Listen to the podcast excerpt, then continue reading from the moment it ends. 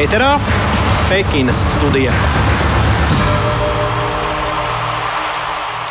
Labrīt, Pekinas studijā Mārtiņš Kļavinieks eh, pievienojas Jānim Ramānam eh, šeit Doma laukumā un runāsim, protams, par Pekinas Ziemas olimpiskajām spēlēm. Un eh, šodien programmā gan par vakardienu, tātad vakar noslēdzās vīru kamaniņu braucēju sacensības Latvijai 5, 5, 7 un 18, 18 vietā, jā, bet, nu, līdz medaļai aizsniegties tomēr neizdevās. Uh, Olimpiskais debitants Raimo Vīgans uh, vakar um, distanču slēpošanā Skietlona distancē tika apzīts par apli un klasificēts 51. vietā. Savukārt šodien starts Baibai Bendikai Biatlonā un arī kāmriņu braucējām uh, pirmie divi braucieni. Tur arī trīs latvieši piedalīsies hokeja izlases. Šodien aizvadīs pārbaudas spēli pret Dāniju, beidzot var trenēties pilnā sastāvā. No paša izolācijas atbrīvoti centru uzbrucēji Jānis Džeriņš un Rodrigo Ābols. Savukārt Savukārt Norvēģija uh, joprojām ir līderi medaļu kopvērtējumā, ja skatāmies uz zelta medaļām, bet ne vairs absolūta viena līdera kopumā trijām komandām vienāds zelta medaļu skaits, bet tur arī dažādi skaitīšanas principi. Krievijā skaita maksimālo medaļu, kopējo medaļu skaitu, tātad cik vispār izcīnīts visā pārējā civilizētajā pasaulē, tomēr pēc zelta medaļām skatās, kura nācija labāk olimpiskajās spēlēs. Nu, jā, par to visu jau šajā raidījumā pēc īsa brīža. Pekinas studija. Un sāksim ar distanču slēpošanu. Tur arī Latvijai vakardien pirmais starts Raimo Vīgans ieņēma 51. vietu Skietlonā. Tā, tad tur uzvarēja Krievijas Olimpiskās komitejas komandas pārstāvis distanču slēpotājs Aleksandrs Bolšinovs. Savukārt kamņņbraucējs Kristers Aparjots vakar četru braucienu summā ieņēma piekto vietu. Zelta medaļu izcīnīja vācietis pieredzējušais Johannes Ludvigs. Septītā vieta debitantam 19 gadus vecajam Gintam Bērziņam savukārt Artūram Dārzniekam 18. pozīcija. Un jāpiebilst, ka pēc pirmās sacensību dienas aparjots bija 5. Gins Bērziņš 6. bet Artūrs Dārznieks 22. Nu, otrajā uh, dienā izdevās sākotnēji vismaz trešajā braucienā Kristaram uzlabot savu rezultātu. Viņš bija 4. mazāk nekā sekundes desmitdaļu līdz bronzai. Tās bija, nu, tautā sakot, deldējams pārsvars arī šajā trasē. Sociālajos tīklos jau cilvēks sāk gatavoties svinībām. Jā, jā, kam, kam tad atz, kā atzīmēt un kam zvanīt, ko apsveikt ar šo medaļu, vai ne? Gan arī tā, nu arī droši vien, ka Kristaram iekšā bija jau pašam tāda sajūta, ka tas ir tik tuvu un jāizdara principā tikai tas, ka labi jānobrauc tas pēdējais brauciens, nedrīkst pats nekādas muļķības sataisīt, bet beig, beigās tomēr izdevās, ka um, neizdevās, diemžēl, tas, ko viņš iecerēja, bet um, kļūda jau tajā pašā virāžā, kur viņš bija kļūdījies arī iepriekšējā dienā, līdz ar to beig beigās tikai piektā vieta, tikai sakām, um, šajā kontekstā, protams, piektā vieta ir ļoti laba Olimpiskajās spēlēs. Nu, tad, jā, ko pats um, Kristers Aparjots uh, sacīja pēc sacensībām, viņš bija ļoti paškritisks, un to arī paklausāmies. Nu jā, viena doma prātā laikam šaudās patreiz, tāpēc tās emocijas tā bišķi veļās pārī. Ja, ja prasītu, vai es apmierināts, nu tad, tad atbildi, protams, uh, pat nezinu īsti, ko lai pasakā, jau godīgi. Neizdarīju pat pusi to, ko, ko, uz ko biju gatavs un, un ko biju spējīgs. Kādam jāuzdara, kādam jāzaudē. Šoreiz es esmu zaudētājs.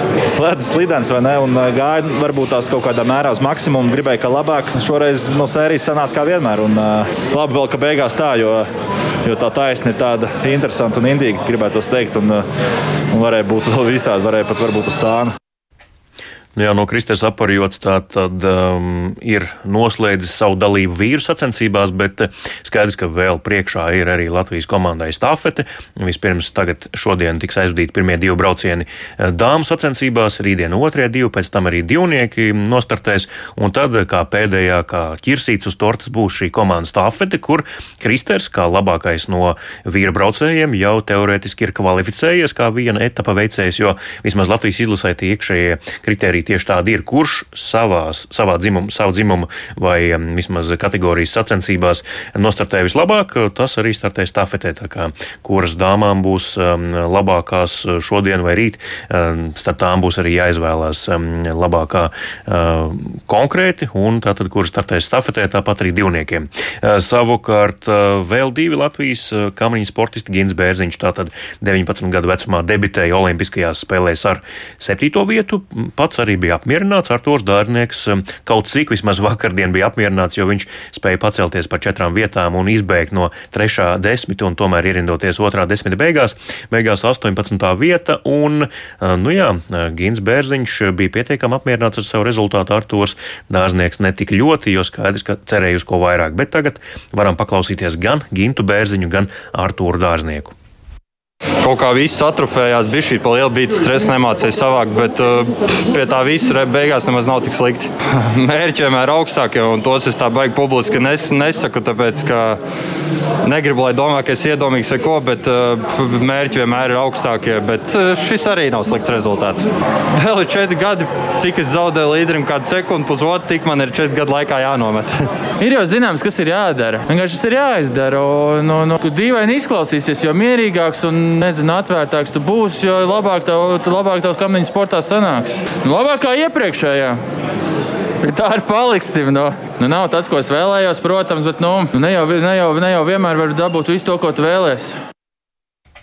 Nevienmēr var dabūt visu to, ko vēlēs. Tādi lūk, ļoti tādi spēcīgi vārdi no Artura Dārznieka. No ar to ir jāsamierinās. Jā, ar to, ka nevienmēr var dabūt to, ko vēlēs, bija jāsamierinās arī Kristaram Aparjodam vakardien, diemžēl. Bet tagad tiešraidē esam sazunījuši gan Kendijas, gan Kristera Aparjoda mammu, bijušo kamiņu braucēju, arī bobsleisti Aivu Aparjodu. Labrīt! Labrīt! Sākšu ar jautājumu, jūs kā bijusī kamiņu braucēji, kā vērtējat jaunā Ginta Bērziņa un pieredzējušo Artūru Dārznieka startu Olimpiskajās spēlēs Pekinā? Jā, nu, Gints liels malacis, izturējis spriedzi un, cik es noskatījos pēc tam arī braucienus, tad trīs no tiem braucieniem bija labi un viens laikam ar tādu mazu kļūdiņu, tā kā tiešām prieks par Gintu.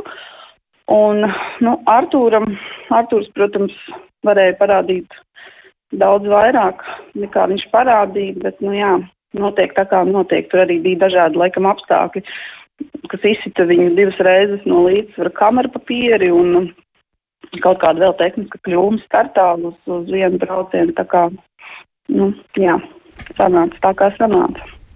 Un kā ir analizēt savu dēlu, Kristera sniegumu? Jā, par Kristera sniegumu Es varu pateikt, uh, ja grib dabūt medaļas, tad uh, ir jābrauc bez bortiem. Diemžēl Kristram man šķiet neizdevās neviens brauciens. Es arī pēc tam atkārtojumā noskatījos. Visos braucienos bija kļūdas. Tas trešais brauciens bija laikam tāds bez bortiem, bet nu tāds nu, samocīts izskatījās, tā kā nebija neviens labs brauciens, un šoreiz uh, tās medaļas tika tiem, kam bija tie labie un stabilie braucieni. Jūs, uh, Kristera, sacensības, nu, lai tās būtu Olimpiskās spēles vai pasaules kausa posms, un tāpat arī Kendijai, uh, varat uh, paskatīties kā līdzjutēji, vai jūs tomēr skatāties kā māma, vai varbūt gan kā māma, gan bijusī kamaniņu braucēja, kāds, kādas ir tās jūs izjūtas skatoties, kā, kā jūs atvases startē? Nu, pirmkārt, es to tiešraidē neskatos nekad. Uh, es noskatos pēc tam.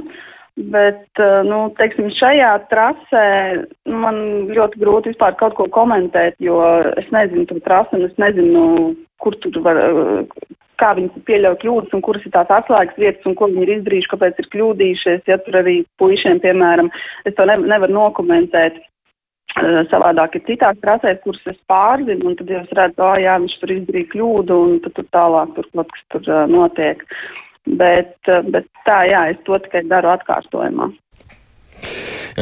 Kristers Gins Bērziņš abi tādi gari, fiziski spēcīgi, tas tāds mūsdienu kamaniņu braucēja prototips? Uh, nē, tur man šķiet, ka tas augums uh, nav noteicošais, jo paskatieties uz otrās vietas ieguvēja Kindlu, kurš ir uh, praktiski visiem līdz plecam. Uh, varbūt tagad uh, jaunie sportisti, nu tā ir tā, nu, miesās ražanāki, padavušies, kas tur uh, no jaunās paudzes, bet es neteiktu, ka tas ir uh, pats noteico, noteicošākais kamanim sportā. Mm. Jā, nu mēs organiski arī pāriesim uz šodienas sacensībām. Šodien arī dāmu starts, un tur startēs arī Kendija. Varbūt varat vairāk pastāstīt, kā īsti šobrīd jūtas Kendijas pagājušā gada beigās Innsbrukā savainotā kāja, un vispār cik tas ir, nu, teiksim tā, liels iztrūkums, ja kamniņu sportists veselu mēnesi nav startējis, turklāt īsi pirms atbildīgākajiem sezonas sacensībām. Jā, uh, nu, nestartēt pussezonu, tas, uh, protams, ka tas ir liels uh, rops, jo tu mēnešu laikā mierīgi var pazaudēt braukšanas sajūtas un pēc tam tā kā atgūties ir, nu, to var tikai tā pamazām izdarīt, ja. Nu, runājot par Kendiju, viņi sāka braukt Šveicē. Uh, Un tad eh, nu, varēja redzēt, ka viņa nu, nav tādas braukšanas sajūtas, nevar tik ātri dabūt. Eh, šobrīd mēs par to tā kā neesam runājušas, eh, neesmu jautājusi par sajūtām, par to tur ir, šeit, šajā trasē ir galvenais ir nobraukt stabili. Ja? Tur, nu, ja skatījāties puišus, tad redzējāt, ka tur praktiski daži cilvēki tikai nobrauc bez kaut kādām kļūdām. Un tas ir arī jācenšas nu, ne tikai Kendijai, bet arī pārējām abām meitenēm vienkārši nobraukt uh, stabilus braucienus, un tad arī viss būs labi. Tad šajā trasē sagāt mazāk tā tehnika izšķir, cik paša braucēja tāda uh, prasme. Tehnika jau vienmēr izšķir, uh, un, nu, pieņemsim, Kristers ar, ar šādām kļūdām ir piektais, ja, tad uh, mums ir ļoti laba tehnika, bet, uh, jā, nu, uh, arī skatoties puikas sacensības, ja, piemēram, 15 gabali tur tādi favorīti, kas varēja mierīgi būt uh, medaļās, ja, un viņi sataisīja liels kļūdas, tie paši austrieši arī diviem. Tāpēc uh, nu šoreiz, uh, šoreiz uh, vajag to stabilitāti un tos uh, stabilos braucienus bez tām lielajām kļūdām. Jā, daudz esam runājuši par kabaniņu sportu. Ir vēl kādi sporta veidi, kam sekojat līdz Olimpiskajās spēlēs, kas jūs interesē? Jā, man vakar arī to pašu jautāja. Uh, Nu, es skatos, principā, tikai uh, bobsleju un skeletonu, kas ir tā kā man uh, radniecīgāki un uh, tuvāki, tad es arī tiem sekoju. Nu, šie sporta veidi vēl tā kā nav sākušies. Uh, nu, pat cik vispār olimpiāda, nu, pat tikai tik sākās, tad uh, pagaidām esmu skatījusies atkārtojumā tikai kamnīgu sportu, un tad es noskatos, protams, ziņas, uh, un tā, tā īpaši nesēžu pie televizora. Jā, paldies. Aiva aparjoda bijusī kamniņu braucēja arī bobsleiste un Kendijas un Kristera aparjoda māma. Paldies par šo komentāru un tad ceram arī uz Kendijas panākumiem šodien un rītdien. Paldies! Jā, bet mēs Pekinas studijā šeit Doma laukumā dodamies tālāk, un tā tad, kā jau minēju par šodien gaidāmo, desmit minūtes pirms pulksten diviem dienā, šodien pirmo braucienu Kamnijas sportā aizvadīs dāmas, bet otrais brauciens pusčetros pēcpusdienā sacensības tiešraidē Latvijas televīzijas septītajā kanālā.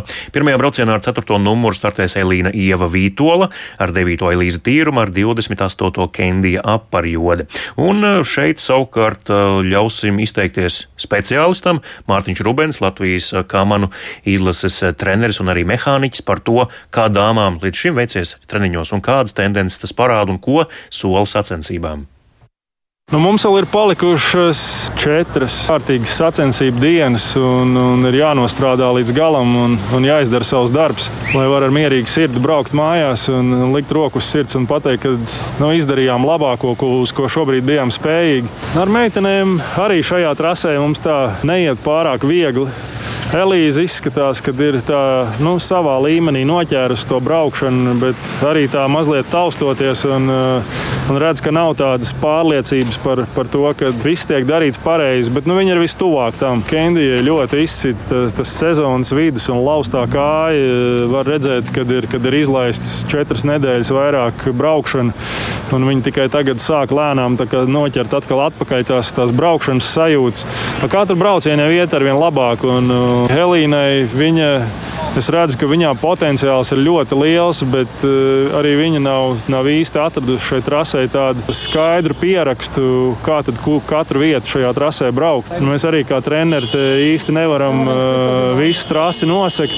Un tur nākas kaut kādas lietas ziedot, bet atkal te, te ir tā, ka tās virāžas pašas pa sevi veseli tādu saiknīti iespaido varbūt trešo virāžu pēc kārtas. Un, ja tu nepaņem visu saiknīti un, un tā kā nepārlasi kārtīgi, tad ir, tad ir grūti saprast, no kurienes tā kļūda veidojās. Tā Mārtiņš Rubenis par sportu, kurā viņš ir speciālists, bet, kā zinām, Mārtiņš Rubenis, ja kāds zina viņa dzīves filozofiju, tad droši vien arī saprot, ka viņam būt tur Ķīnā Olimpiskajās spēlēs nebūt nav vienkārši, vai ne? Tā ir, jā, jo viņš jau 2006. gadā, īsi pēc tam, kad izcīnīja bronzu, Turīnas Olimpiskajās spēlēs eh, publiski protestēja pret eh, notiekošo Ķīnā, pret cilvēktiesību pārkāpumiem, pārkāpumiem pret uiguriem un, eh, un tā tam līdzīgi. Mm, bet arī īsi pirms, protams, Pekinas vasaras Olimpiskajām spēlēm 2008. gadā viņš gan tur pie Ķīnas vēstniecības, tepat Rīgā protestēja, arī publisku bada streiku pieteica. Un, nu, pirms um, šīm Olimpiskajām spēlēm bija bāžas vispār vai viņam apstiprinās vīzu. Tas notika. Ehm, tāpat arī, kad es biju Innsbrukā pasaules kausa posmā, tad bija plānota saruna ar Mārtiņu, bet komanda tomēr teica, varbūt šobrīd nevajag, jo ja Mārtiņš, Mārtiņš ir gatavs stāstīt visu, ko viņš domā, bet ja viņš pateiks par daudz, tad iespējams tās vīzas vairs nebūs, akreditācijas nebūs, Mārtiņš nebrauks uz Ķīnu un eh, komandai būs par vienu treneri un mehāniķi, ļoti svarīgi mehāniķi mazāk, jo Mārtiņš ir galvenais mehāniskais prāts eh, kamanu komandā.